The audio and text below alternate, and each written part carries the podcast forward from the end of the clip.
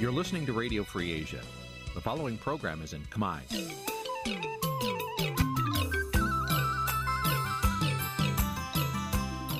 នេះជាកម្មវិធីផ្សាយ Vuthu Azizi Serai នេះជាកម្មវិធីផ្សាយរបស់ Vuthu Azizi Serai ជាភាសាខ្មែរ Vuthu Azizi Serai សូមស្វាគមន៍លោកអ្នកនាងទាំងអស់ពីរដ្ឋធានី Washington នៃសហរដ្ឋអាមេរិក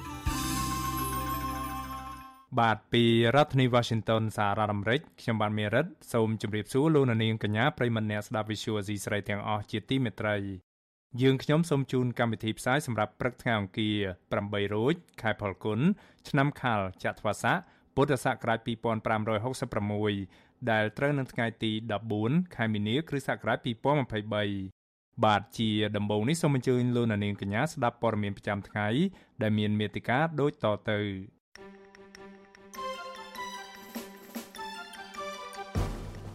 កម្មជនបរិស្ថានជំរុញឲ្យក្រសួងបរិស្ថាន យកចិត្តទុកដាក់បញ្ហាបរិស្ថានឲ្យហួសពីការអំពាវនាវរឿងកាត់បន្ថយការប្រើប្រាស់ផ្លាស្ទិកមន្ត្រីសង្គមស៊ីវិលអំពាវនាវដល់អាជ្ញាធរឲ្យបង្ក្រាបបទល្មើសព្រៃឈើនៅឧស្សាហជាតិវរៈជ័យពលរដ្ឋរងផលប៉ះពាល់ពីការសង់ផ្លូវរថភ្លើងក្រុងប៉ោយប៉ែតចោទអាជ្ញាធរថាយកដីលក់ កសិករដាំកៅស៊ូនៅខេត្តត្បូងឃ្មុំកំពុងប្រឈមបញ្ហាខ្វះទីផ្សាររួមនឹងព័ត៌មានផ្សេងៗមួយចំនួនទៀត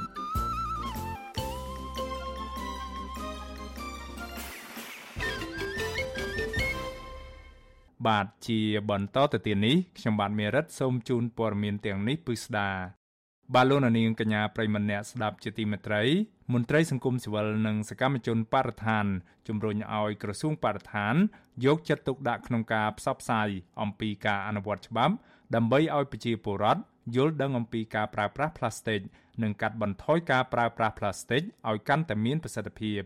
ការលើកឡើងនេះធ្វើឡើងបន្ទាប់ពីមន្ត្រីជាន់ខ្ពស់ក្រសួងបរិស្ថានម្នាក់ថ្លែងក្នុងពិធីមួយកាលពីថ្ងៃទី12ខែមីនាថាដើម្បីលើកកម្ពស់ការសម្អាតបរិស្ថានឲ្យមានសោភ័ណភាពពលរដ្ឋត្រូវប្រកាន់ខ្ជាប់នឹងការអនុវត្តគោលការណ៍ចំនួន4គឺការកាត់បន្ថយការប្រើប្រាស់ផលិតផលពីផ្លាស្ទិកការប្រើប្រាស់ឡើងវិញ ការកែច្នៃឡើងវិញ និងការបដិសេធមិនប្រើផ្លាស្ទិកបាទលោកជីវតារាយការណ៍ព័ត៌មាននេះ បើទោះជាក្រសួងបរិស្ថានអំពាវនាវឲ្យប្រជាពលរដ្ឋចូលរួមថែរក្សាបរិស្ថាន និងកាត់បន្ថយការប្រើប្រាស់ផ្លាស្ទិកយ៉ាងណាក៏ដោយក៏មន្ត្រីសង្គមស៊ីវិលនិងសកម្មជនបរិស្ថានយល់ឃើញថាអ្នកនាំពាក្យក្រសួងបរិស្ថានលោកនេតភក្ត្រាគួរតែយកចិត្តទុកដាក់ក្នុងការដោះស្រាយបញ្ហាសម្រាមដែលហូរចូលទន្លេ ស្ទឹងបឹងបួរនិងសមុទ្រដែលសម្រាមទាំងនេះភ ieck ច្រើនគឺជាកាកសំណល់ហូរចេញពីរោងចក្រមន្ទីរពេទ្យ និងសហគ្រាសធំធំមួយចំនួន ដើម្បីអាចទប់ស្កាត់ការបំពុលបរិស្ថាន បានល្អប្រសើរជាងនេះសកម្មជនបរិស្ថានលោកថនរដ្ឋាប្រាប់វិទ្យុអាស៊ីសេរីនៅថ្ងៃទី13មីនាថាការលើកឡើងរបស់អ្នកនាំពាក្យក្រសួងបរិស្ថានដែលឲ្យប្រជាពលរដ្ឋចូលរួមថែរក្សាបរិស្ថាន គឺជារឿងល្អប៉ុន្តែក្រសួងបរិស្ថាន គួរតែអនុវត្តឲ្យបានដោយការលើកឡើងផង លោកថាកន្លងមក ក្រសួងបរិស្ថានតែងតែប្រកាសជាសាធារណៈបែបនេះ ប៉ុន្តែសហគ្រាសធំធំរោងចក្រមួយចំនួន ដែលបង្ហូរកាកសំណល់ចូលប្រភពទឹក ដែលអាចបណ្ដាលឲ្យប៉ះពាល់ដល់សុខភាពពលរដ្ឋនោះមិនដែលឃើញក្រសួងចុះទៅត្រួតពិនិត្យដើម្បីដោះស្រាយនោះទេ ក្រមយុវជនមួយចំនួនដែលពិបាកទ្រាំអាចថាពួកគាត់ឈប់រំពឹងហើយគាត់ចាប់ផ្ដើមទៅធ្វើខ្លួនឯងហើយអ្នកខ្លះធ្វើខ្លួនឯងដោយមិនមិនខ្វល់ខ្វាយពីបញ្ហាសុខភាពដូចមានថ្មីថ្មីនេះមាននិស្សិតផ្លាស្ទិកជាយុវជនហ្នឹងដែលគាត់ទៅរើសសម្រាមប្រមូលសម្រាមដោយប្រើដៃរបស់គាត់ចូលដោយចូលក្នុងទឹកលូដែលមានសត្វតាមេរោគហើយខ្ញុំមើលថាมันមានអីការពីផ្នែកសុខភាពត្រឹមត្រូវហ្នឹងគឺសុខចិត្តយកសុខភាពរបស់គាត់ដោយខ្លួនឯងទៅប្រមូលសម្រាមនៅតាមបល័យលូស្រដៀងគ្នានេះដែរយុវតីសកម្មក្នុងការងារសង្គមគឺកញ្ញារាជីយ៉ាងនិយាយថាកញ្ញាព្រួយបារម្ភបញ្ហាសម្រាម ដែលអាចធ្វើឲ្យបាត់បង់ភ្ញៀវទេសចរនិងប៉ះពាល់ដល់ប្រាក់ចំណូលរបស់ប្រជាពលរដ្ឋកញ្ញាស្នើសុំឲ្យក្រសួងបរិស្ថានធ្វើការដោយមានការទទួលខុសត្រូវពីព្រោះកញ្ញាសង្កេតឃើញថាសម្រាមនៅក្នុងរាជធានីភ្នំពេញ នៅមិនទាន់មានការរៀបចំទុកដាក់ឲ្យត្រឹមត្រូវនៅឡើយទេសូមសូមឲ្យគាត់គោរពតាមទូនាទីខ្លួនឯងកុំចាំរឿងអីតិចតតែមេស្រ័យតាមមេក្រមកបានធ្វើបាក់កាយទម្លាប់នឹងបានល្អហ្មងកុំធ្វើអីមួយចាំតែថ្នាក់លើបញ្ជាថាត្រូវធ្វើមកដូចថាសម្រាមកចោលអញ្ចឹងដូចនៅតាមកន្លែងកំណោសម្រាមអីចឹងតែពួកគាត់ពេលខ្លះអត់ធ្វើឲ្យចាំទេអញ្ចឹងស្នើសុំសុំគោរពទូនាទីខ្លួនឯងផងព្រោះថែមន្ត្រីស៊ីប្រាក់ខែរដ្ឋទេ ប្រតិកម្មរបស់សកម្មជនបរិស្ថាននេះធ្វើឡើងក្រោយពេលមន្ត្រីជាន់ខ្ពស់ក្រសួងបរិស្ថានលោកនេតភក្ត្រាថ្លែងក្នុងពិធី Eco Carnival នៅមុខសួនច្បារមុខវត្តបទុមទីក្រុងភ្នំពេញកាលពីថ្ងៃទី12មិនិនាថា ដើម្បីលើកកម្ពស់ការសម្អាតបរិស្ថានឲ្យមានសោភ័ណភាពល្អពលរដ្ឋត្រូវប្រកាន់ខ្ជាប់នៅការអនុវត្តគោលការណ៍ចំនួន4គឺការកាត់បន្ថយការប្រើប្រាស់ផលិតផលពីផ្លាស្ទិកការប្រើប្រាស់ឡើងវិញ ការកែច្នៃនិងការបដិសេធមិនប្រើផ្លាស្ទិកជាពិសេសផលិតផលដែលធ្វើពីផ្លាស្ទិកអ្នកនាំពាក្យរូបនេះបញ្ជាក់ថាលោកលើកទឹកចិត្តឲ្យប្រើប្រាស់ផ្លាស្ទិកដែលងាយរលាយក្នុងបរិយាកាសនិងមិនប៉ះពាល់ដល់បរិស្ថានជុំវិញរឿងនេះអ្នកការពារសិទ្ធិមនុស្សនិងបរិស្ថានលោកសាន់ម៉ាឡាគាំទ្រការលើកឡើងរបស់អ្នកនាំពាក្យក្រសួងបរិស្ថានប៉ុន្តែលោកបញ្ជាក់ថា ក្រសួងពាក់ព័ន្ធទាំងអស់គួរតែពង្រឹងនៅការអនុវត្តច្បាប់ឡើងវិញនិងត្រួតពិនិត្យនៅតាមទីប្រជុំជន ដែលមានពលរដ្ឋរស់នៅកកកុញដើម្បីធានាថារដ្ឋាភិបាល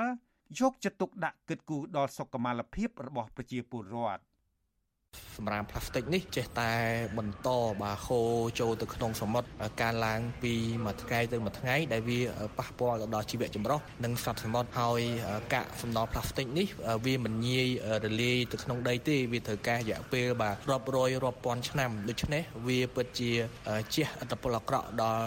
ជីវិតរស់នៅប្រចាំថ្ងៃរបស់មនុស្សយើងអញ្ចឹងហើយខ្ញុំពាមនាវរដ្ឋាភិបាលមេត្តារឹតបន្តឹងច្បាប់ថ្មិចអាចចូលរួមកាត់បន្ថយ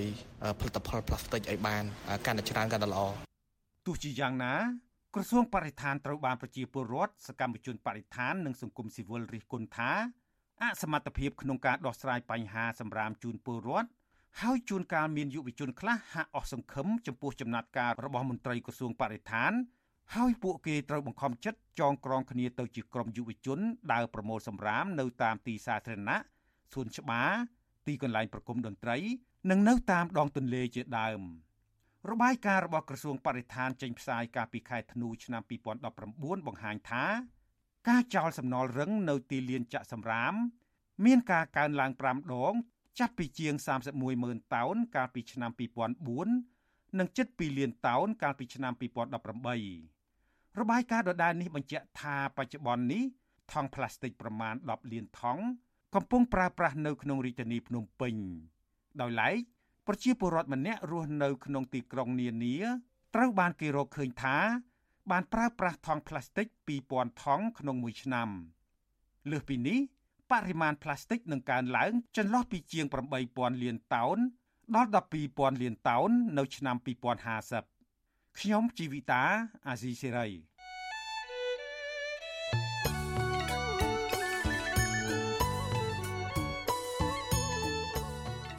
បាទលោកនាងកញ្ញាប្រិមម្នាក់ស្ដាប់ជាទីមេត្រី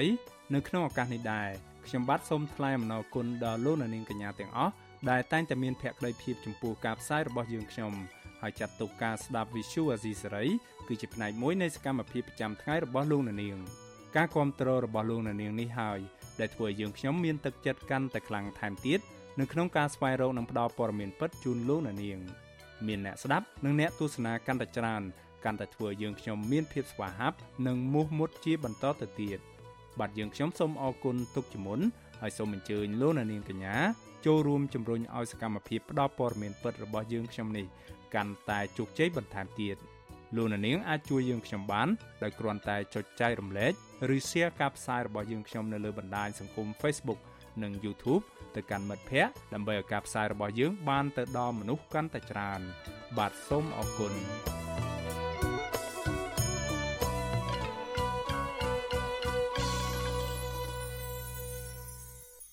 បាទលោកនាងកញ្ញាប្រិមម្នាក់ស្ដាប់ជាទីមេត្រីពាក់ព័ន្ធនឹងរឿងរ៉ាវក្រិតកម្មព្រៃឈើវិញម្ដងបាទសកម្មជនការពីបរិស្ថាននិងមន្ត្រីសង្គមស៊ីវិលអំពាវនាវដល់អាជ្ញាធរខេត្តរតនគិរីឲ្យបង្ក្រាបបទល្មើសព្រៃឈើដែលកាប់ចេញពីតំបន់ឧទ្យានជាតិវរៈជ័យដឹកជញ្ជូនយកទៅលក់នៅប្រទេសវៀតណាមពួកគាត់អាងថាក្រិតកម្មព្រៃឈើទាំងនេះនៅតែបន្តកើតមានឡើងដោយលួចលាក់និងប្រុងប្រយ័ត្នខ្ពស់ បាទពីរដ្ឋធានី Washington លោកនៅវណ្ណរិនរាយការណ៍ព័ត៌មាននេះប្រជាពលរដ្ឋសកម្មជនការពីបរិស្ថាន និងមន្ត្រីសង្គមស៊ីវិលចាត់ទុកការបណ្តែតបណ្តោយឲ្យនាំឈើចេញខុសច្បាប់ពីតំបន់លុឈៀនជាតិវីរៈជ័យយកទៅលក់នៅប្រទេសវៀតណាមតាមច្រករបៀងស្រុកអណ្ដូងមាសខេត្តរតនគិរីគឺជាទង្វើមើលស្រាលអនុសាសន៍របស់លោកនាយករដ្ឋមន្ត្រីហ៊ុនសែន ពួកគេអះអាងថាកន្លងទៅប្រមុខដឹកនាំរូបនេះបានបញ្ជាឲ្យអាជ្ញាធរបិទការនាំចេញទៅលក់នៅប្រទេសវៀតណាមនិងប្រមានដកតំណែងអភិបាលខេត្តសម័យប្រជាពលរដ្ឋនៅក្នុងស្រុកអណ្ដូងមាសលោកសលសោយប្រាប់វិទ្យុអាស៊ីសេរីថាស្ទើរតែរៀងរាល់ថ្ងៃមានរថយន្តនិងម៉ូតូជាច្រើនគ្រឿងដឹកឈើចេញពីតំបន់ឧឈានជាតិវីរៈជ័យយកទៅលក់នៅប្រទេសវៀតណាមតាមច្រករបៀងមួយចំនួននៅក្នុងឃុំញ៉ាងស្រុកអណ្ដូងមាស លោកបញ្ជាក់ថាបទល្មើសព្រៃឈើទាំងនេះកើតឡើងដដែលដដែលជាច្រើនឆ្នាំកន្លងមកហើយហើយក្រុមជនល្មើសបានយកម៉ូតូឆ្នៃដើម្បីងាយស្រួលដឹកឈើជ្រុងដោយម៉ូតូមួយគ្រឿងអាចផ្ទុកឈើជិត1ម៉ែត្រគីបលោកបន្ថែមថាប្រភេទឈើដែលនាំចេញទៅលក់ប្រទេសវៀតណាមមានដូចជាសុក្រំកកោះនិងស្រឡៅជាដើម9ផ្លានណាម៉ូតូមួយមួយគេដឹកឈើខ្លុំមក3ម៉ែត្រប្រវែង3ម៉ែត្រអីគេដាក់លុកមកខ្សែជុំប្រវែង3ម៉ែត្រក៏ដឹករុយ ទៅណាមគេ10 20ម៉ូតូនោះមួយជើងគេទៅនោះព្រឹងព្រាតសកម្មជនការពារបរិស្ថានលោកថនរដ្ឋាសង្កេតឃើញថាបច្ចុប្បន្នអ ுக ្រិតកម្មព្រៃឈើនៅតែបន្តកើតមានឡើងនៅក្នុងតំបន់ដាច់ស្រយាលដូចជាតំបន់ឧឈានជាតិវិរៈជ័យជាដើមដែលអាជ្ញាធរងាយស្រួលលាក់កំបាំងព័ត៌មាន និងអសកម្មរបស់ខ្លួននៅក្នុងភារកិច្ចការពារព្រៃឈើ លោកស្នើឲ្យក្រសួងបរិស្ថានគួរតែផ្ដល់សិទ្ធិឲ្យសហគមន៍មូលដ្ឋានចុះល្បាតព្រៃឡើងវិញដើម្បីជាភ្នែកច្រមុះរាយការណ៍ពីបទល្មើសព្រៃឈើដែលក្រមមន្ត្រីខិលខូចបណ្តែតបណ្ដោយ។ ដែលបើសិនជាក្រសួងបរិស្ថាននៅតែបន្តសកម្មភាពចោតប្រកាន់លៀបពណ៌ហើយមិនមានការលើកទឹកចិត្តណាមួយទៅកាន់សហគមន៍ទៅកាន់យុវជនឲ្យចូលរួមជឿឆ្អាលការពារប្រៃឈើទេបទល្មើសក៏ដូចជាសកម្មភាពបន្តបន្តទៀតនឹងកើតមានមិនត្រឹមតែអូសៀនជាតិវិរៈជ័យទេអូសៀនជាតិផ្សេងផ្សេងហ្នឹងក៏កំពុងតែកក្រឹកកក្រែងរឿងករណីនេះផងដែរ វិទ្យុអាស៊ីសេរីមិនអាចទំនាក់ទំនងសុំការបំភ្លឺជុំវិញរឿងនេះពីអ្នកនាំពាក្យសាលាខេត្តរតនគិរីលោកនាងសំអាតនិងអ្នកនាំពាក្យក្រសួងបរិស្ថានលោកណេតភក្ត្រាបាននៅឡើយនោះទេចំណែកអ្នកនាំពាក្យគណៈកម្មការជាតិទប់ស្កាត់និងបង្ការបទល្មើសធនធានធម្មជាតិលោកអេងហ៊ីក៏វិទ្យុអាស៊ីសេរីមិនអាចទំនាក់ទំនងបានដែរនៅថ្ងៃទី13ខែមីនាដោយទូរស័ព្ទចូលតែគ្មានអ្នកទទួល។ កន្លងទៅលោកនាយករដ្ឋមន្ត្រីហ៊ុនសែនបានបញ្ជាឲ្យលោកសៅសុខាមេបញ្ជាការកងរាជអាវុធហត្ថលើផ្ទៃប្រទេសប្រើប្រាស់ក្របរកែតបាញ់កំទេចក្រុមឈ្មួញរកស៊ីព្រៃឈើដែលប្រហើនលោកទទួលស្គាល់ថាការកាប់ឈើត្រូវតែមានទោសនិងត្រូវតែបង្ក្រាបហើយលោកបានផ្ដល់ឧទ្ធម្ភាគតិចពីរគ្រឿងឲ្យលោកសៅសុខាដើម្បីបង្ក្រាបឧក្រិដ្ឋកម្មព្រៃឈើនេះ លោកសលសោយបន្ថែមថាបទល្មើសព្រៃឈើទាំងនេះពុំទាន់មានឃើញកងរាជអាវុធហត្ថនិងសមត្ថកិច្ចជំនាញបង្ក្រាបនៅឡើយនោះទេតែបែរជាបង្ក្រាបទៅលើបន្ទះក្តារដែលប្រជាពលរដ្ឋយកទៅសាងសង់ស្ពានទៅវិញលោកបញ្ជាក់ថាកាលពីថ្ងៃទី13មីនាកងរាជអាវុធហត្ថជាច្រើនអ្នកបានចុះបង្ក្រាបឈើបន្ទះក្តារចំនួន30ដុំដែលក្រុមហ៊ុនវៀតណាមហងអញ្ញ៉ាឡាយយកទៅជួសជុលស្ពានដើម្បីងាយស្រួលធ្វើដំណើរ ខ្ញុំក៏មិនយល់ដែរខ្ញុំថាគេដឹកទាំងឡានគេមិនចាប់ឲ្យចាប់ជើគេដាក់ទៅទៀនប្រជាពលរដ្ឋដើររាល់ថ្ងៃហ្នឹងឧឈានជាតិវិរៈជ័យស្ថិតនៅក្នុងស្រុកសៀមប៉ាងខេត្តស្ទឹងត្រែងនិងស្រុកអណ្ដូងមាសស្រុកតាវែងខេត្តរតនគិរីត្រូវបានអតីតព្រះមហាក្សត្រព្រះបាទព្រះបរមកោដ្ឋនរោត្តមសីហនុចេញព្រះរាជកិច្ចកំណត់ជាព្រៃអភិរក្សដែលមានផ្ទៃដីជាង33ម៉ឺនហិកតាកាលពីខែវិច្ឆិកាឆ្នាំ1993 ព្រៃអភិរក្សនេះមានព្រំប្រទល់ជាប់នឹងប្រទេសវៀតណាមនិងឡាវហើយប្រមុខមេដឹកនាំឯកបកលោកហ៊ុនសែនបានបញ្ជូនឆ្មាំអភិរក្សជាច្រើនអ្នកប្រចាំការនៅតំបន់នោះនិងសាងសង់ទីស្នាក់ការផងដែរ ជុំវិញរឿងនេះមន្ត្រីពង្រឹងសិទ្ធិអំណាចសហគមន៍មូលដ្ឋាននៃសមាគមអាត6លោកប៉ែនប៊ុនណា សង្កេតឃើញថាតំបន់ឧឈានជាតិវិរៈជ័យកើតមានបទល្មើសព្រៃឈើតាំងពីឆ្នាំ2021រហូតមកទល់ពេលបច្ចុប្បន្នហើយរដ្ឋាភិបាលគ្មានភាពច្បាស់លាស់ការពារឲ្យបានគង់វង្សនៅឡើយនោះទេ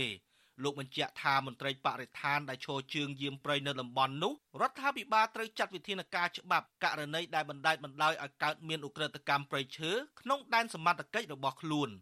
ដូចយើងនិយាយចឹងវាអ្នកដែលកាប់ហ្នឹងវាច្រើនតែអ្នកដែលមិននានាការទៅខាងគ្រប់គ្រងរាជរដ្ឋាភិបាលតែទីបំផុតអត់មានបានអត់មានមានការផ្ដន់ទាទោសសោះបាទនេះទៅនេះតនភាពនេះវាពេញទឹកពេញដី កាលពីឆ្នាំ2006តុលាការកំពូលបានកាត់ទោសឲ្យអតីតអភិបាលខេត្តរតនគិរីលោកខំខឿនជាប់ពន្ធនាគារ17ឆ្នាំពាក់ព័ន្ធទៅនឹងបទល្មើសឧក្រិដ្ឋកម្មដឹកឈើពីតំបន់ឧទ្យានជាតិវីរៈជ័យ500រថយន្តធំធំហើយរហូតដល់ឆ្នាំ2017ព្រះមហាក្សត្រទ្រង់ឡាយព្រះហស្ថលេខាលើកលែងទោសឲ្យអតីតអភិបាលខេត្តរូបនេះឲ្យមានសេរីភាពឡើងវិញខ្ញុំបាទនៅវណ្ណរិន With Chu Azizi Saray ពីរដ្ឋធានី Washington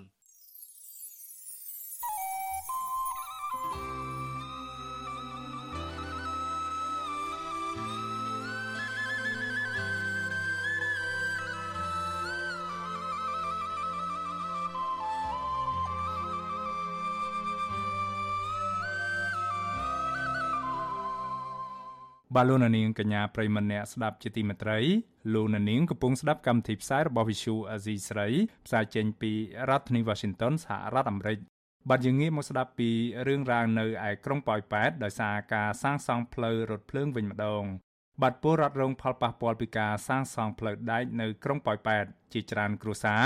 ចោទប្រកាន់អាជ្ញាធរមូលដ្ឋានថាមិនព្រមដោះស្រាយសំណងជូនពួកគាត់ឲ្យបានសមរម្យនោះទេ តែបែរជាខុបខិតគ្នាលួចយកដីដែលត្រូវផ្ដល់ឲ្យពលរដ្ឋយកទៅលក់តាមអំពើចិត្តរីឯអាជ្ញាធរវិញឆ្លើយតបថាការចាត់ប្រកាន់នេះមិនមែនជាការពិតនោះទេព្រោះអាជ្ញាធរបានដោះស្រាយជូនពលរដ្ឋត្រឹមត្រូវរួចអស់ហើយបាទពីរដ្ឋធានី Washington លោកទីនសាការីយ៉ារាយការណ៍ព័ត៌មាននេះប្រជាពលរដ្ឋដែលរងផលប៉ះពាល់ពីការសង់ផ្លូវរថភ្លើងនៅក្រុងប៉ោយប៉ែតលើកឡើងថា អាញាធិបពាក់ព័ន្ធបានខົບខិតគ្នាមិនព្រមផ្ដល់ដីទៅតាមគោលនយោបាយរបស់ក្រសួងមហាផ្ទៃនិងធនាគារអភិវឌ្ឍអាស៊ី ADB ដែលសន្យាថានឹងផ្ដល់សំណងជាដីនិងថវិកាសមរម្យតាមទំហំផលប៉ះពាល់ជូនប្រជាពលរដ្ឋនោះឡើយប្រដ្ឋថាអស់រយៈពេលជិត10ឆ្នាំមកនេះពុំឃើញអាញាធិបផ្ដល់ដីឲ្យឡើយផ្ទុយទៅវិញបែរជាអាញាធិបយកដីទៅលក់ដើម្បីតែផលប្រយោជន៍ផ្ទាល់ខ្លួនទៅវិញតំណាងបរិបម្នាក់ដែលរងផលប៉ះពាល់ពីគម្រោងសាងសង់ផ្លូវដែកនៅក្រុងប៉ោយប៉ែតលោកស្រីហាក់ស្រីមុំ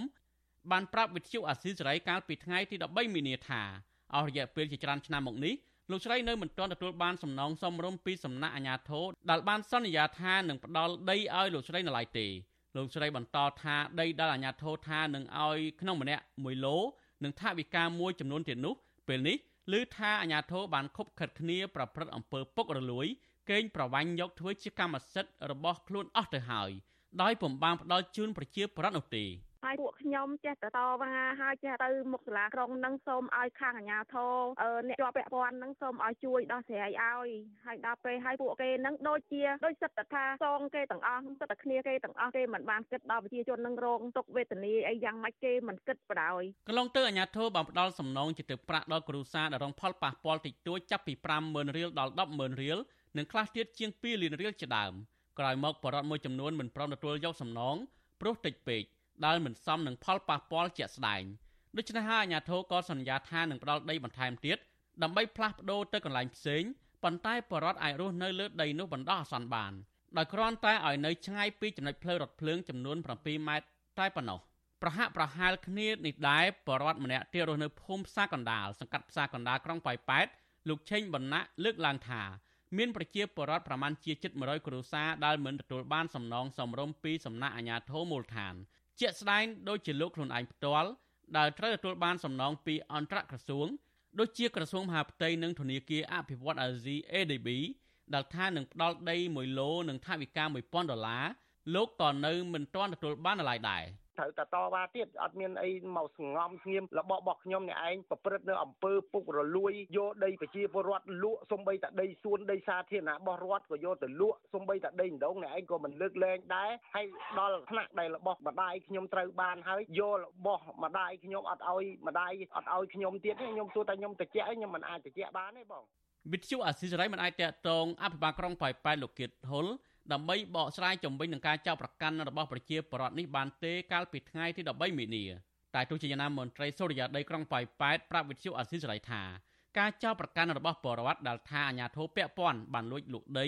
ដោយមិនដោះស្រាយជូនបរិវត្តនោះមិនមែនជាការពិតនោះទេចឹងគេសម្រាប់ចាយជូនប្រជាពលរដ្ឋគេមានឈ្មោះគេអ្នកដែលត្រូវផលប៉ះពាល់កម្រិតណាដែលត្រូវបានទទួលដីកម្រិតណាដែលមិនបានទទួលដីបានទទួលទទួលតែសំឡងអញ្ចឹងណាដីហ្នឹងគឺមិនមាននរណាហ៊ានយកទៅលក់ទេបាទអាជ្ញាធរមិនមានណាមានចិត្តយកដីនឹងទៅលក់ទេអញ្ចឹងអ្នកណាដែលដែលត្រូវឈ្មោះទទួលបានដីគឺខាងក្រុមការងារអន្តរក្រសួងគេមានជីមានលិសឈ្មោះអស់គេបលឲ្យអស់វាខ្លាចតែគាត់ដែលថាអ្នកការទុកចិត្តហ្នឹងមិនព្រមទូលតែប៉ុណ្្នឹងទេទោះជាយ៉ាងណាមន្ត្រីសម្រាប់សម្រួលអង្គការអាត60ខេត្តបន្ទាយមានជ័យលោកសុំច័ន្ទគាមានប្រសាសន៍ថាករណីដោះស្រាយសំណងពីផលប៉ះពាល់គម្រោងសាងសង់ផ្លូវរថភ្លើងនៅក្រុងប៉ោយប៉ែតកន្លងទៅនេះអាជ្ញាធរពាក់ព័ន្ធហាក់មិនអើពើដោះស្រាយជូនបរដ្ឋឲ្យបានត្រឹមត្រូវនោះទេ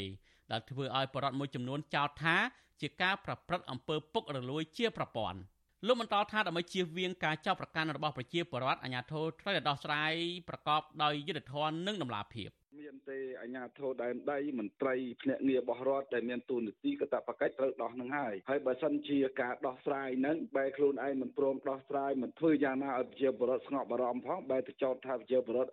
នឹងសិទ្ធិក្រមប្រឆាំងនេះប្រឆាំងនោះអីមកលៀបពោះយើងគិតថាវាអត់វាអត់ត្រូវវាអត់លោសិចទេនៅក្នុងខ្លួនទូនាទីជាភ្នាក់ងាររដ្ឋអង្គុយកៅអីរដ្ឋដែលស៊ីប្រាក់ខែរាជដែលត្រូវបម្រើរាជហ្នឹងវាអត់លោសិចប្រជាពលរដ្ឋអះអាងថាពួកគាត់ដែលរងផលប៉ះពាល់ពីគម្រោងសាងសង់ផ្លូវដាច់ប្រមាណជាជិត100គ្រួសារមានបរិវត្តខ្លះទទួលបានសំណងតិចតួចនិងបរិវត្តខ្លះទៀតមិនទទួលបានសំណងនោះឡើយដោយសារតែអាជ្ញាធរថាពុំមានឈ្មោះនៅក្នុងបញ្ជីផ្ដាល់ដីជូនទោះបីជាពួកគាត់ធ្លាប់តវ៉ាឲ្យអាជ្ញាធរដោះស្រាយជាបន្តបន្ទាប់ក្តីក៏អាជ្ញាធរមិនទាន់មានចំណាត់ការណាមួយដោះស្រាយជូនពួកគាត់នៅឡើយដែរមន្ត្រីសង្គមស៊ីវិលនិងបរិវត្តទទូចឲ្យអាជ្ញាធរពន្លឿនការដោះស្រាយបញ្ហានេះឲ្យបានឆាប់ដើម្បីឲ្យពួកគាត់មានលំនៅឋានសមរម្យឡើងវិញ។ ខ្ញុំទីនសាការីយ៉ាអស៊ីសេរីប្រធានីវ៉ាស៊ីនតោនលោកអ្នកនាងជាទីមេត្រី លោកនាយករដ្ឋមន្ត្រីហ៊ុនសែនបានកាត់ជ្រៀលទ្រព្យសម្បត្តិសាធារណៈនិងតំបន់អភិរក្សជាបន្តបន្ទាប់ឲ្យទៅមន្ត្រីជាន់ខ្ពស់អុកញ៉ានិងក្រុមហ៊ុនឯកជនរបស់ក្រមមនុស្សដែលមានទំនាក់ទំនងជិតស្និទ្ធនឹងរូបលោក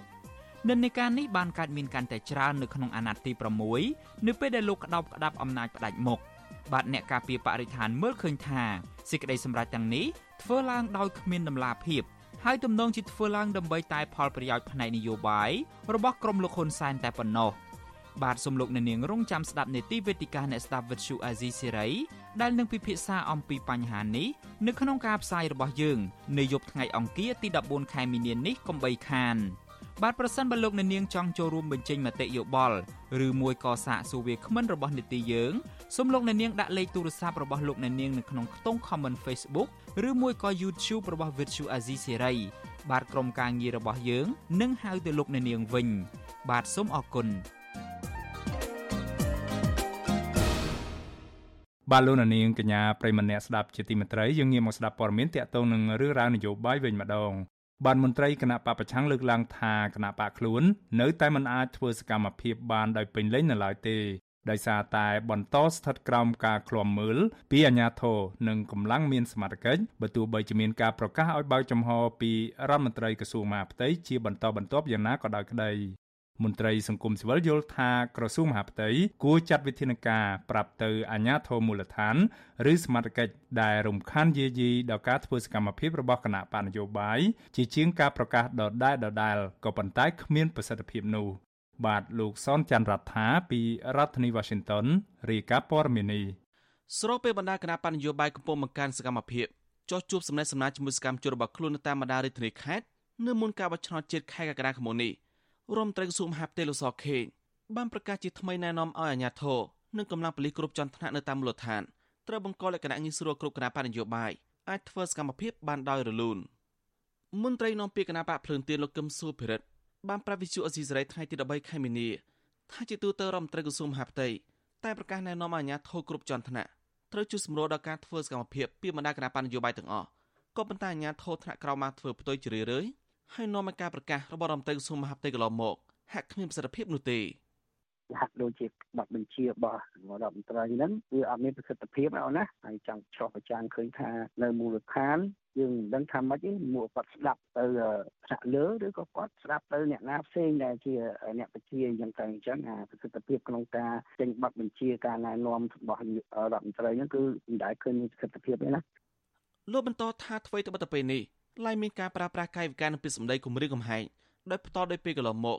ប៉ុន្តែអាញាធរតាមមូលដ្ឋានតែងចុះទៅស្ដាប់ខ្លំមើលហើយធររូបរដ្ឋណាដែលចូលរួមកម្មវិធីជួបសំណេះសំណាលរបស់គណៈបកភ្លើងទៀននិងជួបភាពបន្តធ្វើប៉ះពាល់ដល់ផ្លូវចិត្តរបស់ប្រតិអនេះឡៃហ៊ានចូលរួមក្នុងសកម្មភាពរបស់គណៈបកនយោបាយដែលមិនមែនជាគណៈបកកណ្ដាលអំណាចការលើកឡើងពីមន្ត្រីគណៈបកភ្លើងទៀននេះបន្ទាប់ពីលោកសខេរមត្រីក្រសួងមហាផ្ទៃនៅក្នុងពិធីបុណ្យផ្កានៅស្រុកអង្គស្នូខេត្តកណ្ដាលកាលពីថ្ងៃទី12ខែមីនា បានប្រកាសណែនាំអាជ្ញាធរគ្រប់ជាន់ថ្នាក់ត្រូវបានចំហគ្រប់គណៈបកនយោបាយទាំងអស់អាចធ្វើសកម្មភាពបានពេញលេញស្មើស្មើគ្នាពីសែមឡុងពេលឃោសនារកសម្លេងឆ្នោតនៅពេលខាងមុខនេះដើម្បីឲ្យការបោះឆ្នោតនេះដំណើរការទៅល្អយើងទៅរួមគ្នាទៅតាមទូនីតិភារកិច្ចរៀងខ្លួនរដ្ឋាភិបាលមានភារកិច្ចធ្វើអ្វីរដ្ឋាភិបាលទៅធានាឲ្យមានសន្តិសុខធានាឲ្យគ្រប់គណៈបកនយោបាយដែលបានចុះឈ្មោះបោះឆ្នោតមានឱកាសដើម្បីនឹងធ្វើការជួបជុំឃោសនា ទៅតាមបំណងប្រាថ្នារបស់ជាពិសេសគឺតាមកម្មវិធីនយោបាយរបស់គណៈបករបស់ខ្លួនដើម្បីស្វែងរកការគ្រប់គ្រងពីប្រជាពលរដ្ឋលោកសខេងបន្តថាចំណាយប្រជាពលរដ្ឋដែលចូលរួមក្នុងសកម្មភាពនានារបស់គណៈបកនយោបាយដែលខ្លួនពេញចិត្តពីសឹមលំពេលឃោសនារកសម្លេងឆ្នោតក៏ត្រូវចូលរួមជាវៀងកុំឲ្យមានអំពើហិង្សាផងដែរកាលពីថ្ងៃទី8ខែកុម្ភៈព្រះករណាព្រះបាទសម្ដេចព្រះបរមនាថនរោត្តមសីហមុនីបានចេញរាយសារផ្ញើទៅកម្ពុជាបរដ្ឋទូទាំងប្រទេស ដោយពីមនីបរដ្ឋដែលមានសិទ្ធិបោះឆ្នោតទាំងអស់ត្រូវទៅបោះឆ្នោតជ្រើសរើសអ្នកដឹកនាំប្រទេសដើម្បីការអភិវឌ្ឍនិងការរីកចម្រើនរុងរឿងលើគ្រប់វិស័យរបស់ប្រទេសជាតិនៅក្នុងរាជសារបន្តថាព្រះអង្គបានស្នើកុំឲ្យមានការព្រួយបារម្ភពីការគៀបសង្កត់ការគំរាមកំហែងឬក៏ការសម្លាប់ពីជនណាម្នាក់ឬក៏គណៈបញ្ញយោបាយណាមួយអសោះហើយត្រូវប្រើប្រាស់សិទ្ធិសេរីភាពបោះឆ្នោតទៅតាមសតិសម្បញ្ញត្តិរបស់ខ្លួនដែលមានទំនួលចិត្តលើបេក្ខជនឬក៏គណៈបញ្ញយោបាយណាមួយដោយសេរីជុំវិញបញ្ហានេះ នាយកប្រតិបត្តិអង្គការឃ្លាំមើលការបោះឆ្នោតនៅកម្ពុជាហៅកាត់ថា Netflix លោកសំគុណធីមីយល់ឃើញថានៅពេលការប្រកាសរបស់រសខេមានប្រសិទ្ធភាពសម្រាប់អាជ្ញាធរថ្នាក់ក្រោមយកទៅអនុវត្តឲ្យបានត្រឹមត្រូវតើតើមានការចាត់វិធានការតាមច្បាប់ឬក៏ការដាក់ពិន័យចំពោះមន្ត្រីណាដែលធ្វើល្មើសសេចក្តីប្រកាសនេះកាលពីអំឡុងមុនការបោះឆ្នោតឃុំសង្កាត់អាណត្តិទី5កាលពីខែមិថុនាឆ្នាំ2022ធ្លាប់មានការរីកាថាសកម្មជនគណបកភ្លើងទៀនចរាអ្នកបានខ្លាចជាជនរងគ្រោះ ដោយសារការរងអំពើហិង្សាតាមគ្រប់របៀបផ្សេងៗដោយការប្រវីធ្វើបាបពីជនមិនស្គាល់មុខការគប់ដុំថ្មចូលផ្ទះនិងការជិះម៉ូតូដេញបុកប៉ុនប៉នសម្រាប់ជាដើមប៉ុន្តែករណីទាំងអស់នេះគឺក្រសួងមហាផ្ទៃមិនដែលវែកមុខជលមើមកផ្ដន់ទោសតាមច្បាប់ទេគណៈកម្មាធិការជ្រៀបចំការបោះឆ្នោតហៅកាត់ថាកោចបបានប្រកាសថាការដាក់ពាក្យសុំចុះបញ្ជីគណៈបញ្ញយោបាយនិងបេក្ខជននឹងត្រូវធ្វើឡើងរយៈពេល15ថ្ងៃចាប់ពីថ្ងៃទី24ខែមេសាដល់ថ្ងៃទី8ខែឧសភាស្របពេលការបោះឆ្នោតជ្រើសតាំងតំណាងរាស្ត្រ នីតិកាលទី7នឹងធ្វើឡើងនៅថ្ងៃអាទិត្យទី23ខែកក្កដាឆ្នាំនេះខ្ញុំសនចាររថាវិទ្យុអេស៊ីសេរីរាយការណ៍ពីរដ្ឋធានីវ៉ាស៊ីនតោន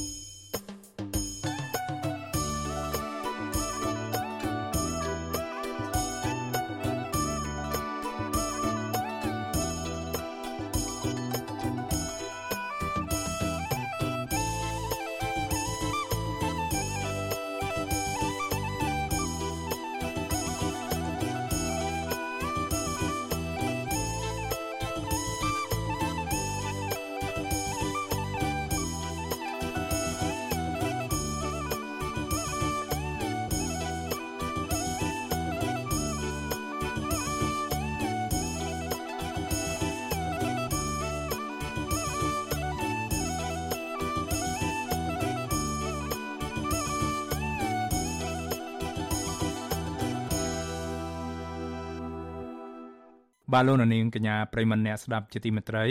រឿងរ៉ាវតាក់ទងទៅនឹងការបោះឆ្នោតវិញម្ដងបាទអ្នកវិភាគនយោបាយមិនរំពឹងថាគណៈកម្មាធិការជាតិរៀបចំការបោះឆ្នោតនឹងធ្វើកំណែតម្រង់ការបោះឆ្នោតនោះទេបើទោះបីជាប្រធានកោចបោ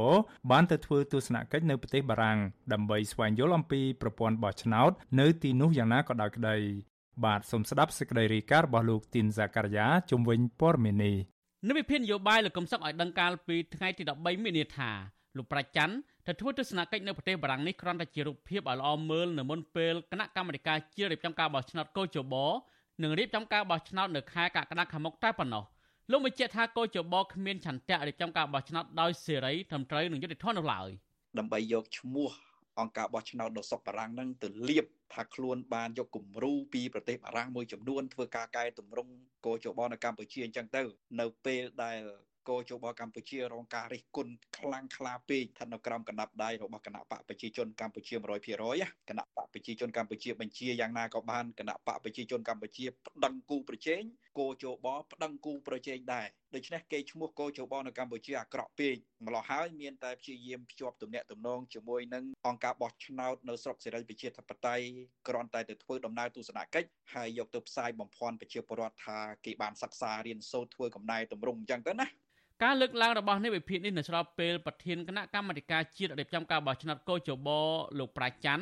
បានដឹកនាំគណៈប្រតិភូទៅធ្វើទស្សនកិច្ចផ្លូវការនៅប្រទេសបារាំងចាប់ពីថ្ងៃទី13រហូតដល់ថ្ងៃទី19មីនាលោកប្រាជ្ញបានឆ្លើយប្រាប់អ្នកសារព័ត៌មាននៅក្នុងសិនសិទ្ធសារព័ត៌មាននៅមុនពេលលោកចេញដំណើរទៅប្រទេសបារាំងថា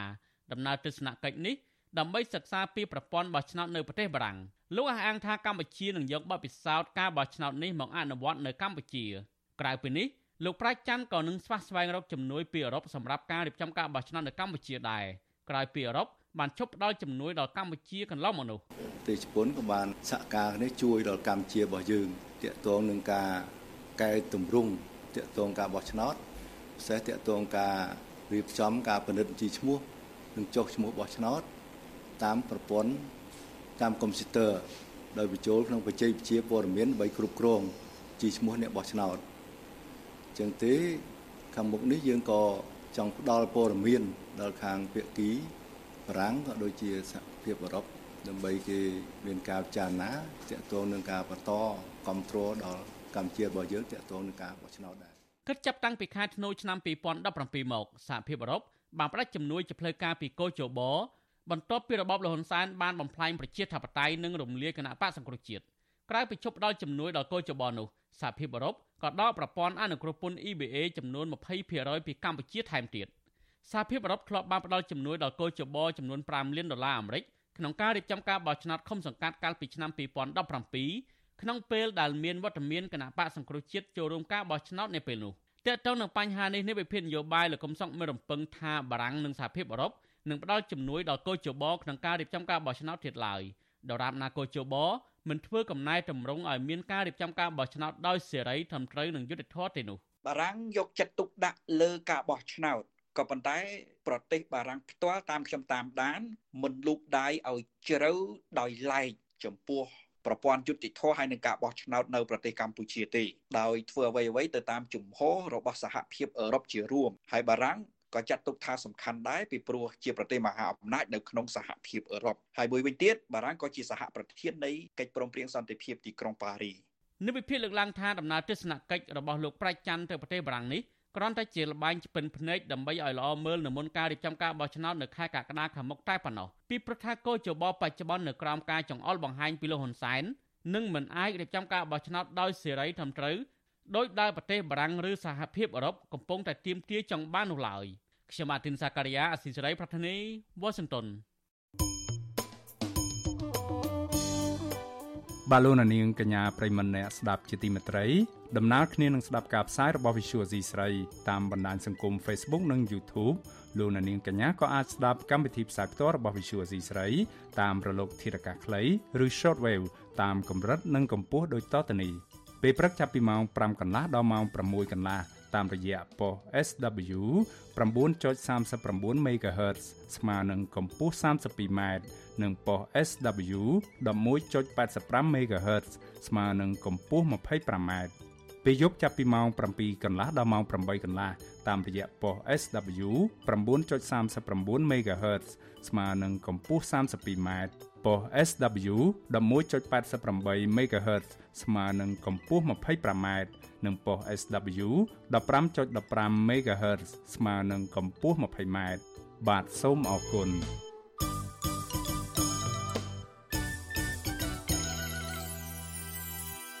បាទលោកនាងកញ្ញាប្រិមម្នាក់ស្ដាប់ជាទីមេត្រីរឿងដាច់ដライមួយទៀតប្រធានសមាគមគ្រូបង្រៀនកម្ពុជាឯករាជ្យអ្នកស្រីអុកឆាយាវី និងជាគ្រូបង្រៀនជំនាញកីឡា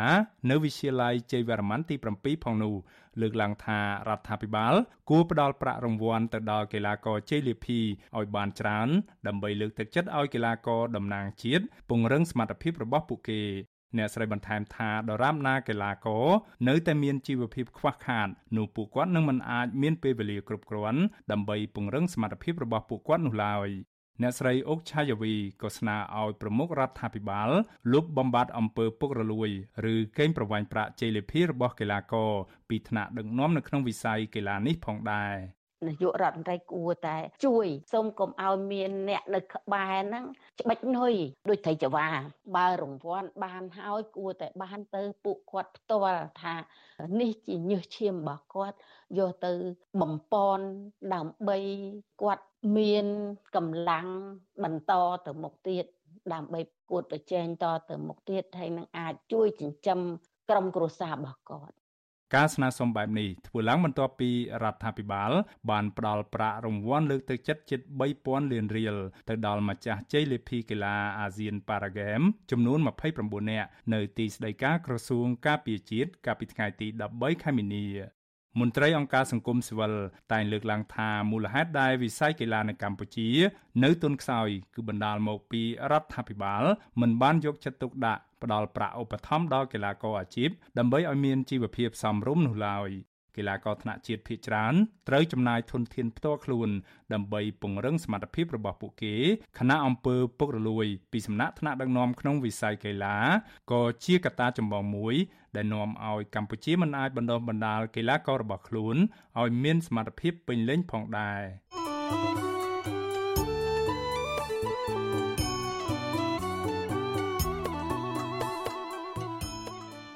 បាទលោកនាងប្រិមម្នាក់ស្ដាប់ជាទីមេត្រីក្រៅពីតាមដានកម្មវិធីផ្សាយរបស់ Visual C ស្រីតាមបណ្ដាញសង្គម Facebook YouTube និង Telegram លោកនាងក៏អាចតាមដានកម្មវិធីផ្សាយរបស់យើងតាមបណ្ដាញសង្គម Instagram ដែលមានអាសយដ្ឋាន instagram.com/rfa ខ្មែរ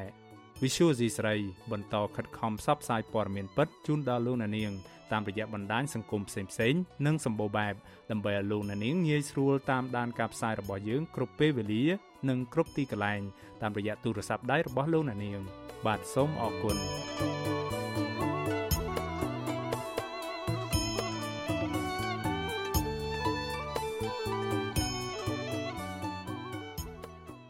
បាទលោកនាងកញ្ញាប្រិមម្នាក់ស្ដាប់ជាទីមេត្រីយើងងាកមកស្ដាប់ព័ត៌មានតកតងនឹងអត្តពលចិននៅកម្ពុជាវិញម្ដងបាទរដ្ឋធម្មនុញ្ញកម្ពុជា ដែលជាច្បាប់កម្ពុជារបស់ប្រទេសកំណត់ច្បាស់អំពីការរក្សាគោលនយោបាយការបរទេសអព្យាក្រឹតក៏ប៉ុន្តែលោកនាយរដ្ឋមន្ត្រីហ៊ុនសែនដែលដឹកនាំប្រទេសអស់រយៈពេលជិត40ឆ្នាំមកនេះហាក់ប្តីផ្ដួលខ្លាំងទៅលើប្រទេសចិនស្ទើរតែទាំងស្រុង អ្នកជំនាញនយោបាយការបរទេសនិងច្បាប់អន្តរជាតិក្រានរំលឹករដ្ឋាភិបាលឲ្យរក្សាជំហរនយោបាយអព្យាក្រឹតគិតគូរពីផលប្រយោជន៍របស់ជាតិជាធំកុំឲ្យផុងខ្លួនក្នុងវិបត្តិនយោបាយដោយការពីពេលអតីតកាលបាទសូមអញ្ជើញលោកនាងស្ដាប់សេចក្តីរាយការណ៍មួយទៀតរបស់លោកនៅវណ្ណរិនជំវិញព័ត៌មាននេះ ទន្ទឹមនឹងការបង្ហាញសកម្មភាពនិងនយោបាយពឹងពាក់ទៅលើចិនហើយវាយប្រហារទៅលើក្រមប្រទេសប្រជាធិបតេយ្យនោះលោកនាយករដ្ឋមន្ត្រីហ៊ុនសែនក៏តែងតែបញ្ចេញសារក្រោតគ្រាតដាក់ប្រទេសសេរីជាបន្តបន្ទាប់ថ្មីថ្មីនេះលោកក៏បានប្រមានសហរដ្ឋអាមេរិកកុំឲ្យប្រព្រឹត្តនៅអ្វីដែលលោកហៅថាជាកំហុសទី3មកលើកម្ពុជា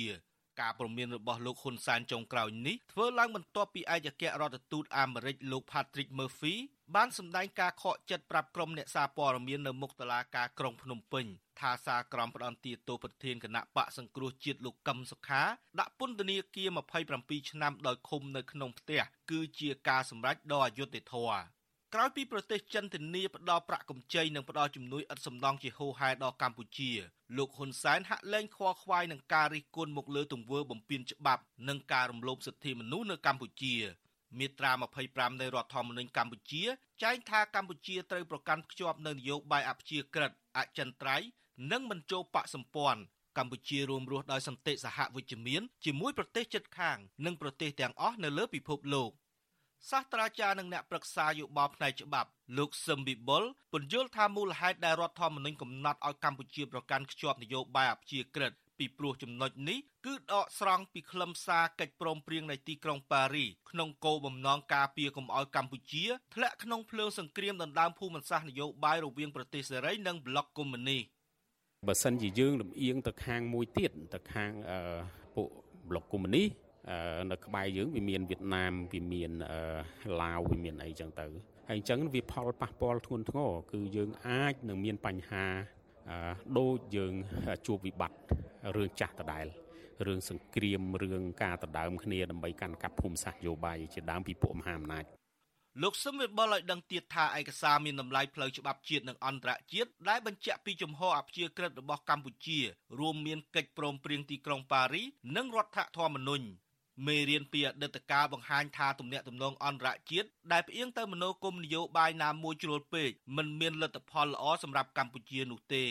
ការអំឡុងដើមសតវត្សទី60កម្ពុជាប្រកាសមិនទទួលជំនួយពីសហរដ្ឋអាមេរិកនិងលោកសេរីផ្សេងទៀតហើយប្តេជ្ញាផ្ដួលទៅលើប្លុកកុម្មុយនីសលុះដល់សម័យសាធារណរដ្ឋនៅឆ្នាំ1970កម្ពុជាពឹងផ្អែកទៅលើសហរដ្ឋអាមេរិក ហើយចូលមកដល់របបកម្ពុជាប្រជាធិបតេយ្យឬរបបខ្មែរក្រហមនៅក្នុងឆ្នាំ1975កម្ពុជាផ្ដេកផ្ដួលទៅលើចិនហើយដោយសារតែខ្មែរបែកបាក់គ្នានៅដើមឆ្នាំ1979កម្ពុជាត្រូវវៀតណាមឈ្លានពាននិងត្រូវត្រួតត្រាអស់រយៈពេល10ឆ្នាំ។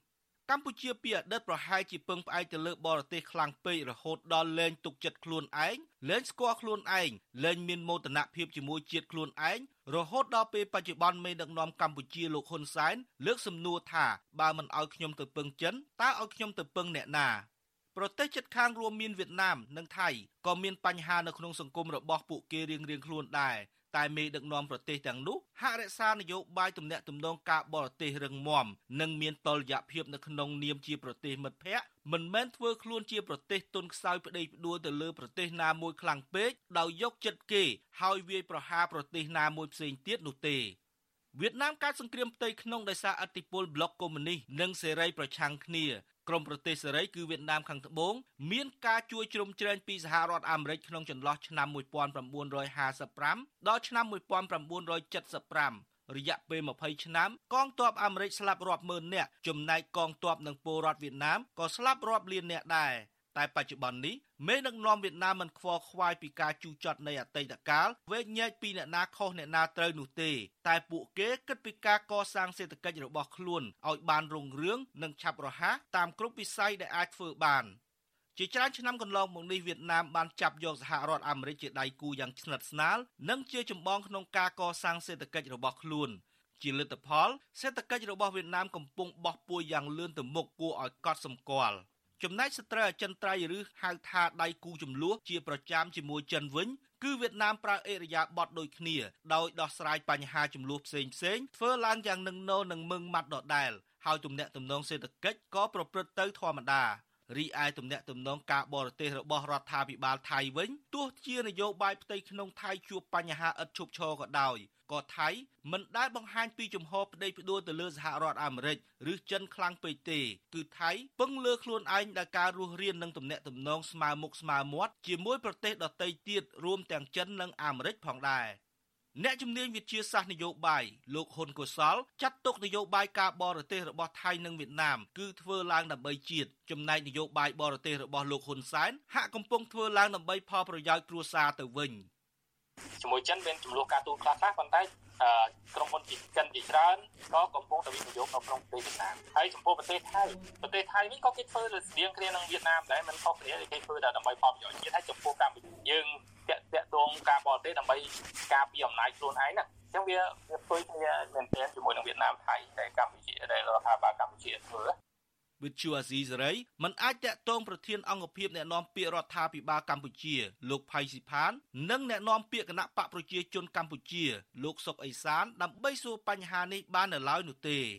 ទន្ទឹមនឹងមានការចោទពីអ្នកវិភាគក្រមប្រឆាំងនិងអ្នកការទូតនានាថាកម្ពុជាបានដើរចេញពីភាពអព្យាក្រឹតទៅគ្រប់គ្រងគោលនយោបាយចិនទាំងបើកចំហនោះ គឺលោកហ៊ុនសែនតែងតែច្រានចោលការចោទប្រកាន់ទាំងនោះដោយលោកបញ្ជាក់ថាលោកមិនដែលបដិសេធការជួយឬបដិសេធមិនរាប់អានប្រទេសណាមួយនោះទេឲ្យតែការផ្ដល់ជំនួយឬការរាប់អាននោះមិនជ្រៀតជ្រែកកិច្ចការផ្ទៃក្នុងដើម្បីបំផ្លាញសន្តិភាពរបស់កម្ពុជាចំណែកសាស្ត្រាចារ្យនយោបាយនិងទំនាក់ទំនងអន្តរជាតិលោករោវណ្ណៈមានប្រសាសន៍ថាបច្ចុប្បន្នប្រទេសមហាអំណាចអាមេរិកនិងចិនកំពុងបង្កើនសន្ទុះនៅក្នុងការដណ្ដើមឥទ្ធិពលគ្នា លោកបន្តថាក្នុងស្ថានភាពនេះកម្ពុជាត្រូវរក្សាជំហរនយោបាយការបរទេសកុំឲ្យធ្លាក់ខ្លួនចូលទៅក្នុងអន្ទាក់នយោបាយក្នុងប្រទេសណាមួយគឺចិនមើលឃើញថានយោបាយនេះល្អគឺបង្កើតប្លុកភូមិសាស្ត្រសេដ្ឋកិច្ចដើម្បីឲ្យប្រទេសទាំងអស់នោះធ្លាក់ទៅក្នុងអន្ទាក់ នៃភូមិសាស្ត្រនយោបាយរបស់ចិននៅក្នុងពេលអនាគតគ្រប់គ្រងចិនដើម្បីខ្លាយជាវិបងធំនៅក្នុងតំបន់អាស៊ីអាគ្នេយ៍អញ្ចឹងយើងមើលឃើញថាការប្រកួតប្រជែងគ្នាគឺស្រួយស្រាងណាស់ហើយប្រទេសតូចៗហ្នឹងគឺច្បាស់ជាមហាអំណាចទាំងពីរអូសឲ្យចូលទៅក្នុងអន្ទាក់នៃការប្រកួតប្រជែងភូមិសាស្ត្រនយោបាយ លោករវណ្ណៈក៏រំលឹកដល់ថ្នាក់ដឹកនាំឲ្យប្រកាន់ខ្ជាប់ក្នុងការអនុវត្តនយោបាយអព្យាក្រឹតដូចមានចែងនៅក្នុងរដ្ឋធម្មនុញ្ញនិងកិច្ចព្រមព្រៀងសន្តិភាពទីក្រុងប៉ារីនៅក្នុងឆ្នាំ1991ចឹងអ្វីដែលខ្ញុំមើលឃើញកម្ពុជាអាចរក្សានយោបាយការបរទេសអព្យាក្រឹតភាពរបស់ខ្លួនហ្នឹងគឺសំដៅថាទៅធ្វើពិពិធកម្មការទូត ទាំងសេដ្ឋកិច្ចនិងការទូតនឹងជាមួយនឹងបណ្ដាប្រទេសទាំងអស់នៅលើពិភពលោកដោយព្យាយាមធ្វើម៉េចកុំឲ្យមានភាពដែលគេមើលឃើញថាយើងផ្អៀងទៅពីទីណាមួយដែលអាចខ្លាចជាការគម្រាមកំហែងទៅដល់សមត្ថភាពឬក៏សន្តិសុខរបស់យើងនាពេលអនាគត ដោយសារតែឥទ្ធិពលនយោបាយលោកហ៊ុនសែនប្តេជ្ញាផ្ដួលទៅលើចិនជ្រុលហើយបន្តរំលោភសិទ្ធិមនុស្សនិងបំផ្លាញប្រជាធិបតេយ្យនៅក្នុងប្រទេសកម្ពុជាធ្វើឲ្យពលរដ្ឋរងគ្រោះជាហេតុធ្វើឲ្យសហភាពអឺរ៉ុបកន្លងមកកាត់ប្រព័ន្ធអនុគ្រោះពន្ធ EBA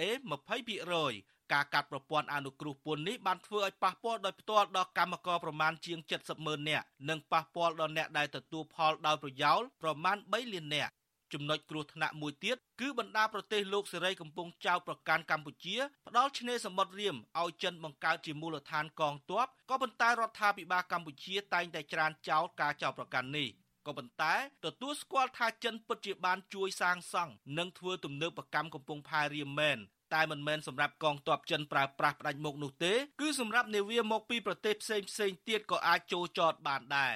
ទោះជាយ៉ាងណាប្រសិនបើកម្ពុជាអនុញ្ញាតឲ្យកងទ័ពចិនមានមូលដ្ឋាននៅក្នុងកំពង់ផែរៀមដោយជាការចោទប្រកាន់ពិតមែនគឺជាអំពើបំពានរដ្ឋធម្មនុញ្ញគោលការណ៍អាស៊ាននិងច្បាប់អន្តរជាតិផ្សេងទៀតដែលនឹងធ្វើឲ្យមានអស្ថិរភាពផ្នែកនយោបាយនិងសន្តិសុខនៅក្នុងតំបន់ខ្ញុំបាទនៅវណ្ណរិន With Chu Azizi Saray ពីរដ្ឋធានី Washington លោកអ្នកនាងជាទីមេត្រីលោកនាយករដ្ឋមន្ត្រីហ៊ុនសែនបានកាត់ជ្រៀលទ្រព្យសម្បត្តិសាធារណៈនិងតំបន់អភិរក្សជាបន្តបន្ទាប់ឲ្យទៅមន្ត្រីជាន់ខ្ពស់អុកញ៉ានិងក្រុមហ៊ុនឯកជនរបស់ក្រមមនុស្សដែលមានទំនាក់ទំនងជិតស្និទ្ធនឹងរូបលោកនិន្នាការនេះបានកើតមានកាន់តែច្រើននៅក្នុងអាណត្តិទី6នៅពេលដែលលោកក្តោបក្តាប់អំណាចផ្ដាច់មុខបាទអ្នកការពារបរិស្ថានមើលឃើញថាសេចក្តីសម្រេចទាំងនេះធ្វើឡើងដោយគ្មានដំណាភាព ហើយទំនងជាធ្វើឡើងដើម្បីតែផលប្រយោជន៍ផ្នែកនយោបាយរបស់ក្រុមលោកហ៊ុនសែនតែប៉ុណ្ណោះបាទសំលោកអ្នកនាងរងចាំស្ដាប់នេតិវេទិកាអ្នកស្ដាប់វិទ្យុអាស៊ីសេរីដែលនឹងពិភាក្សាអំពីបញ្ហានេះនៅក្នុងការផ្សាយរបស់យើង នៅយប់ថ្ងៃអង្គារទី14ខែមីនានេះកុំបីខាន បាទប្រសិនបើលោកអ្នកនាងចង់ចូលរួមបញ្ចេញមតិយោបល់ឬមួយក៏សាកសួរវាគ្មិនរបស់នេតិយើងសូមលោកអ្នកនាងដាក់លេខទូរស័ព្ទរបស់លោកអ្នកនាងនៅក្នុងខ្ទង់ comment Facebook ឬមួយក៏ YouTube របស់ Virtu Azizi Serai បាទក្រុមការងាររបស់យើងនឹងហៅទៅលោកអ្នកនាងវិញ បាទសូមអរគុណបាទព័ត៌មានតកតងទៅនឹងការប្រឈមនឹងបញ្ហាខ្វះទីផ្សារវិញម្ដង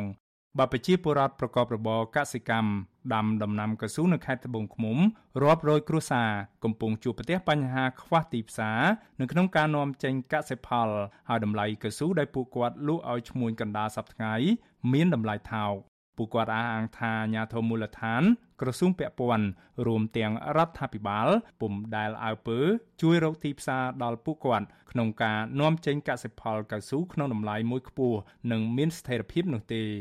អ្នកជំនាញកសិកម្មជំរុញដល់រដ្ឋាភិបាលឲ្យពិចារណាឡើងវិញនិងដោះស្រាយបញ្ហាជូនកសិករជាបន្ទាន់ដើម្បីសម្រួលការលំបាករបស់ពួកគាត់ បាទពីរដ្ឋធានី Washington លោកលេងម៉ាលីរាយការណ៍ព័ត៌មាននេះតំណាងពលរដ្ឋប្រមាណ600គ្រួសាររស់នៅក្នុងភូមិចំនួន9ក្នុងឃុំកំពន់ស្រុកមេមត់ខេត្តត្បូងឃ្មុំឲ្យដឹងថាពលរដ្ឋជាង80%ប្រកបរបរដាំកៅស៊ូ ដោយអ្នកខ្លះប្រកបរបរកសិកម្មប្រភេទនេះអស់រយៈពេលជាង20ឆ្នាំមកហើយពួកគាត់បញ្ជាក់ថាសប្តាហ៍ថ្ងៃតម្លៃកៅស៊ូចុះថោកនិងគ្មានទីផ្សារសម្រាប់នាំចេញ ដើម្បីឲ្យមានចំណូលសមរម្យសម្រាប់បង្វិលដើមទុនគ្រប់គ្រាន់ទេ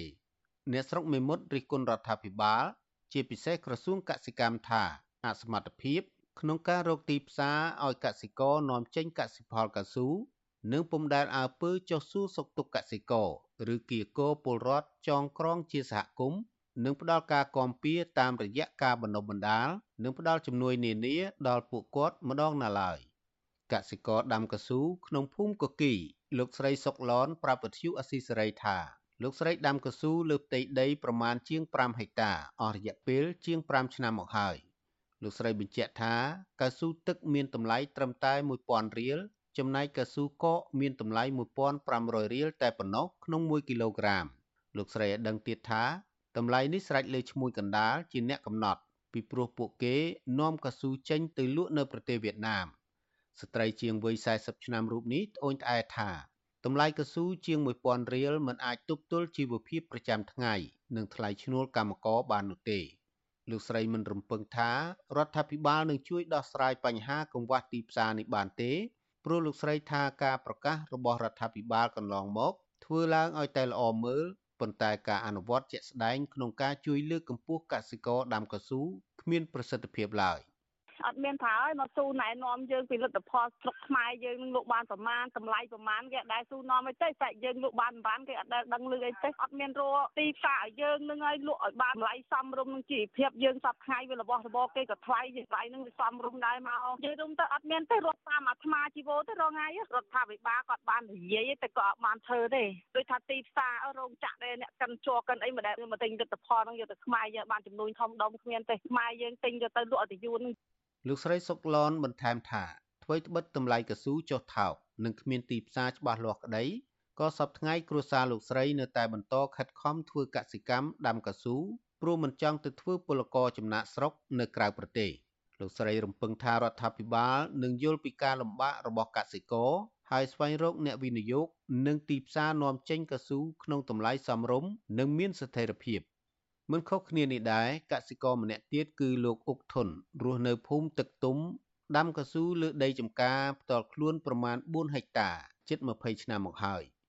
លោកបញ្ជាក់ថាតម្លៃកស៊ូដែលឈ្មួញកណ្ដាលឲ្យកសិករ1គីឡូជាង1000រៀលគឺមិនរួចថ្លៃដី និងសម្ភារៈថែទាំកៅស៊ូនោះទេ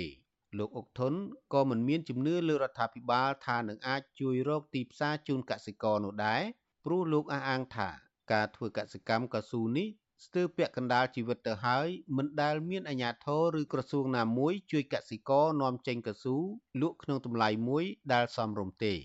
ពិបាកដែររឿងព្រោះអីគេអត់ដឹងលឺអារឿងយើងកសិករនឹងរាល់ថ្ងៃនេះសំបីតែមិនក្រសួងទេមិនរកក្តៅក៏គេមិនដែលសួរថាយើងពិបាកយើងវេទនាមិនដែលសួរគេមិនដែលខ្វាយខ្វល់ផងតែមិនសង្ឃឹមទេរាល់ថ្ងៃយើងសង្ឃឹមថាយើងបើយើងមានតិចតួចយើងទៅយើងរកហ្វីអីផ្សេងហ្នឹងថារឿងដំណាំកសិកម្មនឹងចប់ហើយហេងចាំងវាហេងថ្លៃជីថ្លៃទៅជាដំណាំកសិកម្មថោកវិទ្យុអស៊ីសេរីមិនទាន់អាចតាក់ទងអភិបាលខេត្តត្បូងឃ្មុំលោកជាមច័ន្ទសុភ័ណ្ឌនិងអ្នកនាំពាក្យក្រសួងកសិកម្មកញ្ញាអឹមរចនា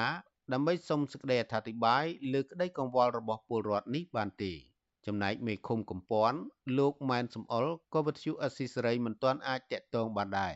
ប៉ុន្តែរដ្ឋមន្ត្រីក្រសួងកសិកម្មលោកដិតទីណា កាលពីថ្ងៃទី9មីនាថ្មីថ្មីនេះបានណែនាំដល់វិទ្យាស្ថានស្រាវជ្រាវ និងអភិវឌ្ឍកសិកម្មកម្ពុជាឲ្យថែរក្សានិងរៀបចំផ្ទៃដីកស៊ូចាស់ៗដើម្បីប្រែក្លាយតំបន់កសិកម្មដំណាំកស៊ូឲ្យបានល្អ លោកជំរុញដល់វិទ្យាស្ថានដដែល ថាត្រូវផ្ដល់ពូជថ្មី និងបំបៅដំណាំកស៊ូឲ្យមានប្រសិទ្ធភាព និងទទួលខុសត្រូវរួមគ្នាការពារតំបន់ដំណាំកស៊ូបច្ចេកទេសនិងការឆ្លើយតបនឹងបញ្ហាអាកាសធាតុនិងជួសជុលកស៊ូជូនកសិករ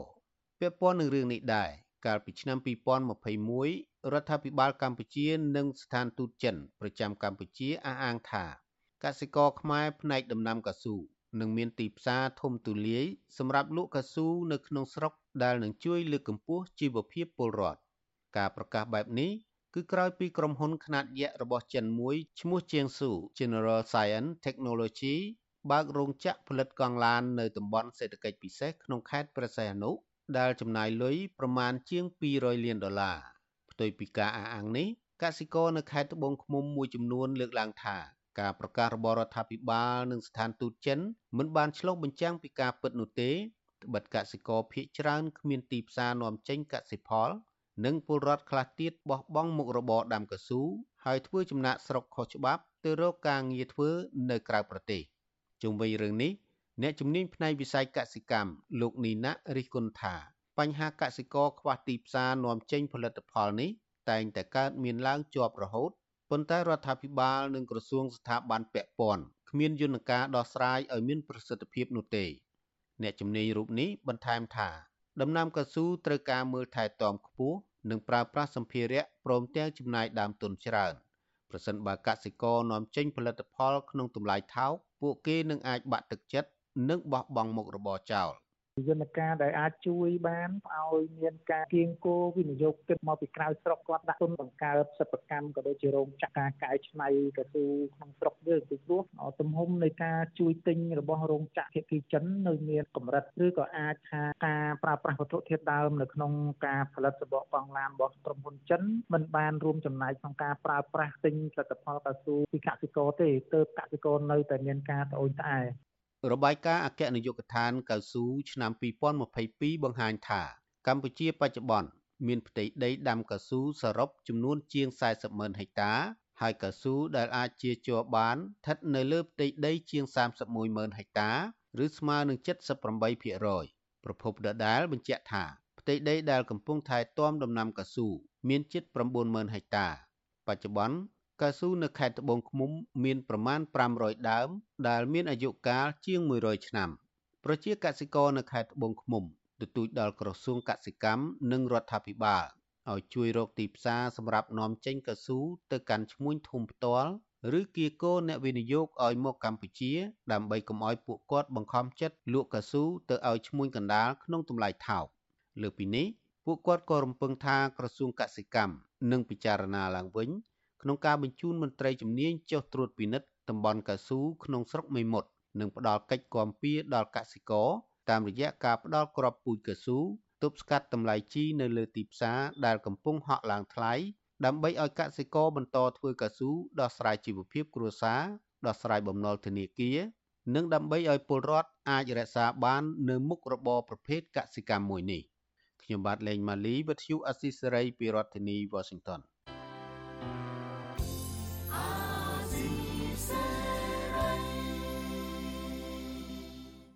បាទលោកនាងកញ្ញាប្រិមម្នាក់ស្ដាប់ជាទីមេត្រីកម្មវិធីផ្សាយរយៈពេល1ម៉ោងនៃ Visual Asia ស្រីជាភាសាខ្មែរនៅពេលនេះចប់តែប៉ុណ្ណេះយើងខ្ញុំសូមជូនពរដល់លោកនាងកញ្ញាព្រមទាំងក្រុមគ្រួសារទាំងអស់ឲ្យជួបប្រកបតែនឹងសេចក្តីសុខចម្រើនរុងរឿងកំបីគ្លៀនគ្លាតឡើយខ្ញុំបាទមេរិតព្រមទាំងក្រុមការងារទាំងអស់នៃ Visual Asia ស្រីសូមអរគុណនិងសូមជម្រាបលា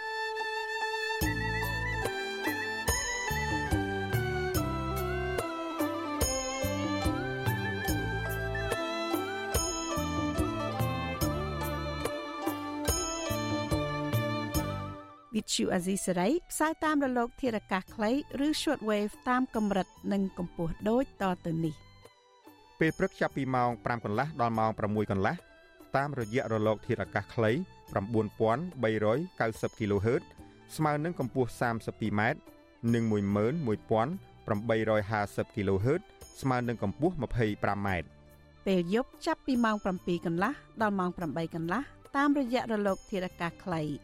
9390 kHz ស្មើនឹងកម្ពស់ 32m និង15155 kHz ស្មើនឹងកម្ពស់ 20m និង11885 kHz ស្មើនឹងកម្ពស់ 20m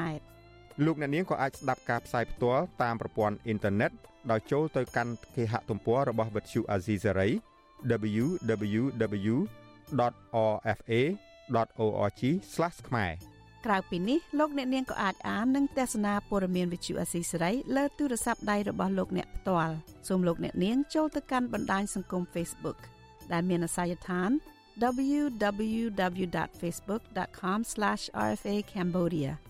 និង YouTube www.youtube.com/rfa khmer video សូមលោកអ្នកនាងចុច like និងចុច subscribe ដើម្បីទទួលបានព័ត៌មានថ្មីៗទាន់ហេតុការណ៍ និងទស្សនាវីដេអូផ្សេងៗបានគ្រប់ពេលវេលា។